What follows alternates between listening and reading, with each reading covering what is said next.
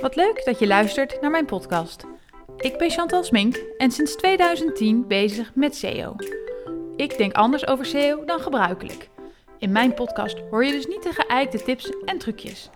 In afleveringen van 10 minuten vertel ik je steeds hoe ik over iets denk of deel ik tips en tricks met je.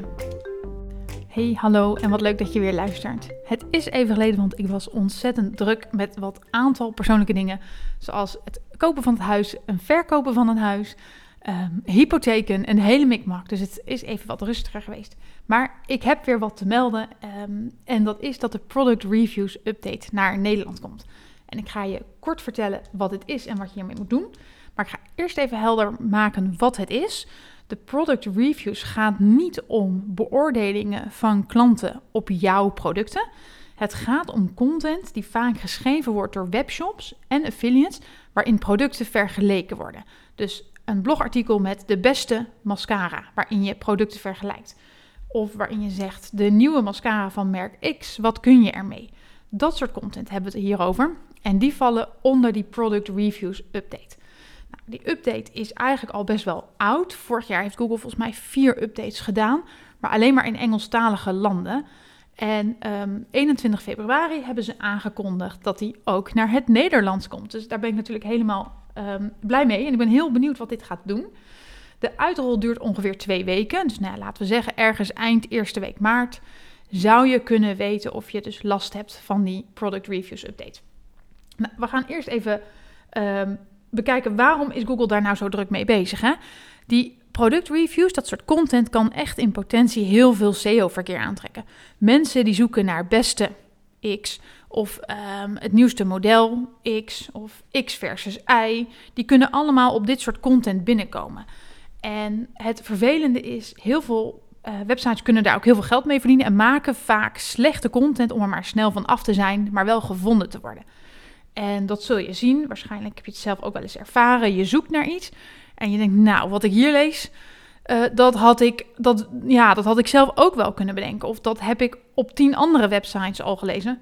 Of misschien denk je zelfs, ja, de fabrikant zegt dit ook, dus daar kan ik niks mee. Nou, precies daarom is dat een onderwerp voor Google om mee bezig te zijn en de pijlen op te richten. Um, om dus eigenlijk te eisen van ons dat wij die kwaliteit gaan verbeteren als content creators. En Google vindt het natuurlijk belangrijk dat telkens als mensen iets zoeken, dat ze iets van kwaliteit vinden. Dus daar zijn ze mee bezig. Um, nou ja, een slechte product review is eigenlijk als jij het product niet zelf gebruikt hebt, niet zelf uitgeprobeerd hebt.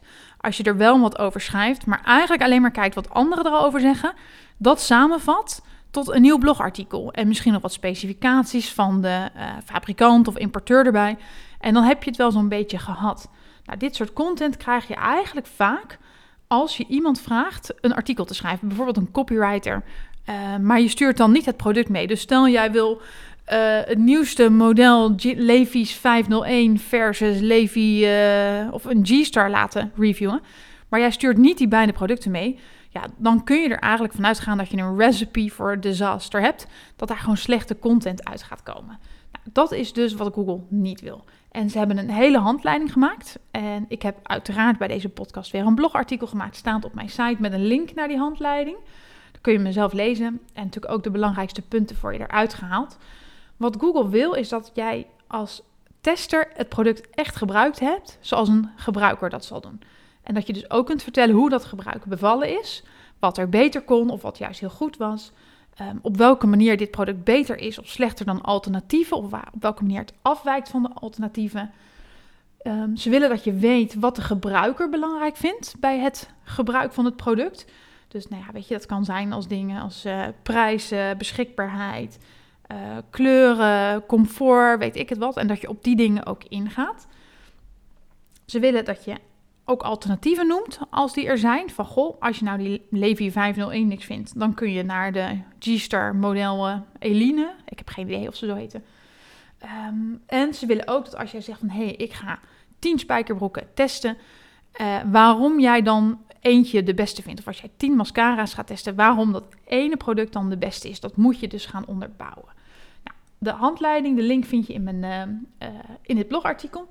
En ik heb ook echt even het internet afgezocht naar een artikel wat ik zelf ooit had geschreven.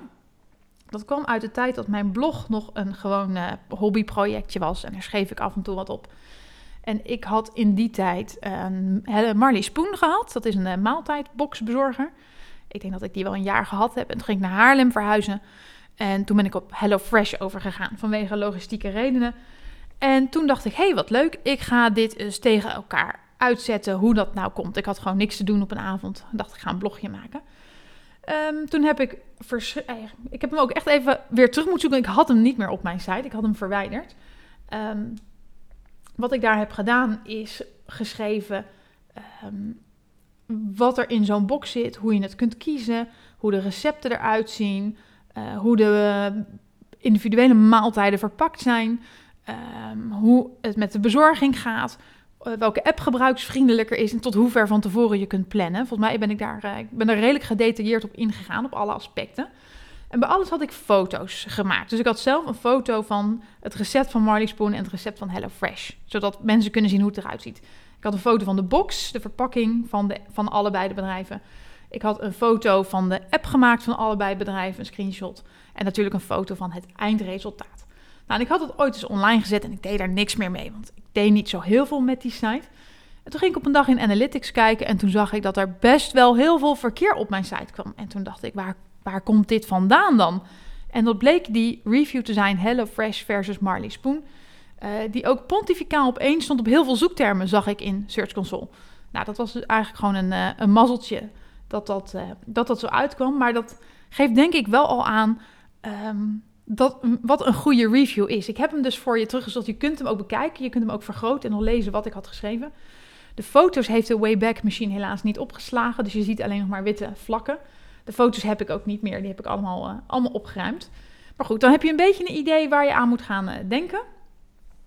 Nou, wat betekent deze product review update voor jou? Kijk, als jij product reviews schrijft en je hebt alles zelf getest, geprobeerd en geproefd of bekeken, gezien, geroken, gevoeld, dan kun je ervan uitgaan dat je er niet zo heel veel last van zult hebben. Omdat de kans groot is dat je daarmee al veel uniekere content hebt gemaakt dan iemand die die exercitie niet doorlopen heeft. Um, als jij productreviews hebt, maar je hebt het product nooit zelf getest, gebruikt, uitgeprobeerd, dan heb je natuurlijk een probleempje. Want de grote kans is dan dat jij um, online opgezocht hebt wat anderen erover schrijven en dat verhaspeld hebt tot nieuwe content. En het kan ook zijn dat jij daar nog wat specs van de fabrikant of importeur aan hebt toegevoegd. Nou, dan heb je een probleem. En in principe zeggen ze dit is op paginaniveau. Uh, dus dat wil zeggen als jouw één review is niet goed, dan gaat alleen die ene review daar last van hebben. Maar als jij natuurlijk op hele grote schaal heel veel reviews hebt en dit is jouw standaard aanpak, kun je dat echt wel gaan merken. Dat um, rankings gaan dalen en daarmee dus ook impressies en verkeer.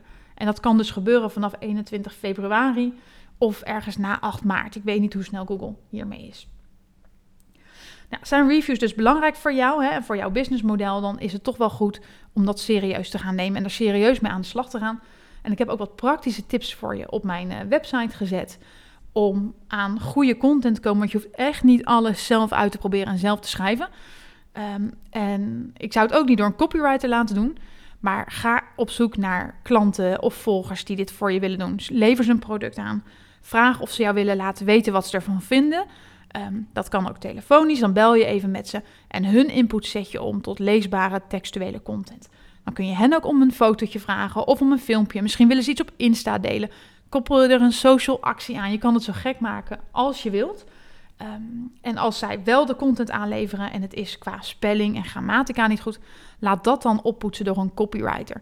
Maar ik weet zeker dat als je dit doet en dus jouw product door vier verschillende mensen laat testen en die in één review samenpakt, wat die vier mensen ervan vinden, dan denk ik dat jij echt hele mooie content aan het maken bent waar je wat mee kunt. Ga dit dus niet met ChatGPT doen. Vertrouw op je volgers, op je klanten, zet ze in. Um, en dan denk ik dat je hele waardevolle reviews hebt waar iemand dus echt wat aan heeft. Wil je nog iets nalezen of de plaatjes bekijken, de link vinden op mijn website chantalsmink.nl slash blog vind je dit artikel en kun je rustig alles verder lezen.